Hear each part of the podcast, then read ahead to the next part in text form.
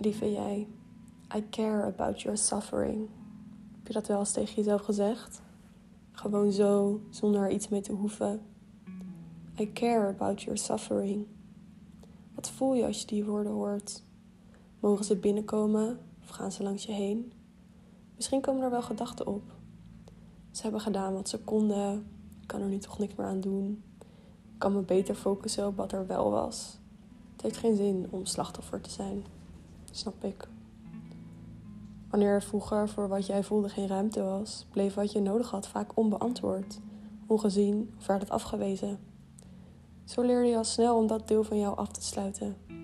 Je ging geloven dat er geen ruimte voor was. Je ging geloven dat het jouw schuld was dat er geen ruimte voor was. Dat je te veel bent, te gevoelig, te anders. Want dat moest wel, toch? Anders had iemand je wel geaccepteerd. Hadden ze je wel liefde gegeven. Logisch dat je met dat soort gedachten jezelf leert beschermen. Het houdt je weg van grotere pijn. I care about your suffering. Want wat moet je bang zijn geweest, je ongezien hebben gevoeld, eenzaam, onbegrepen, toen je die delen van jou zomaar weg moest stoppen. Want niet alleen de ander zag jou niet, ook jou, jij hebt jou alleen gelaten. En daar heb je geen schuld aan.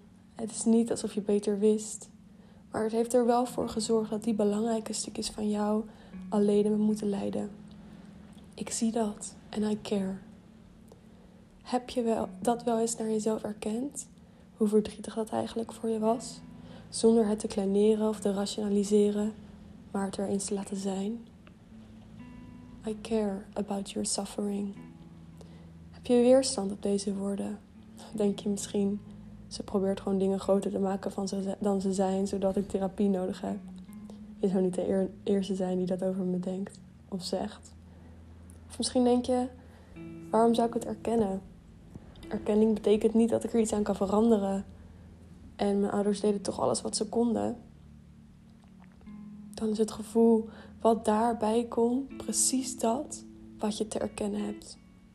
Dat is precies wat je te voelen hebt van het effect van niet erkennen van die delen van jezelf, van de pijn van jezelf, is dat, die erkenning, dat je die erkenning in de buitenwereld gaat zoeken.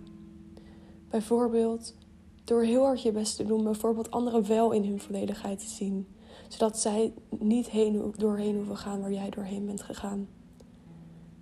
Of juist heel hard proberen te werken, zodat je opvalt, zodat mensen je wel altijd zien.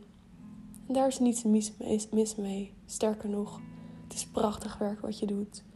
Maar wanneer het vanuit jouw onvervulde behoefte komt, zal het je vroeg of laat openbreken. En je zal jezelf hierdoor alsnog vergeten. Maar dat voel je denk ik zelf ook wel. Laat je mij weten wat het in je losmaakt. Dan kun je simpelweg doen door te reageren op deze mail of mij DM te sturen via Instagram. En als je nou toch merkt hè, dat je met iemand samen die gevoelens op jouw tempo en op jouw manier wilt erkennen, zodat je ze een plekje kunt geven en juist zodat je weer de toekomst in kan en misschien zelfs eerst beginnen met genieten van het leven van nu. Dan wil ik je graag uitnodigen om naar Beyond the Retreat te komen. 12 tot 14 april. Alles inclusief. Een plek, een heerlijke plek in de natuur waar alles benoemd mag worden, alles erkend mag worden en alles gevoeld kan worden precies zoals het er is.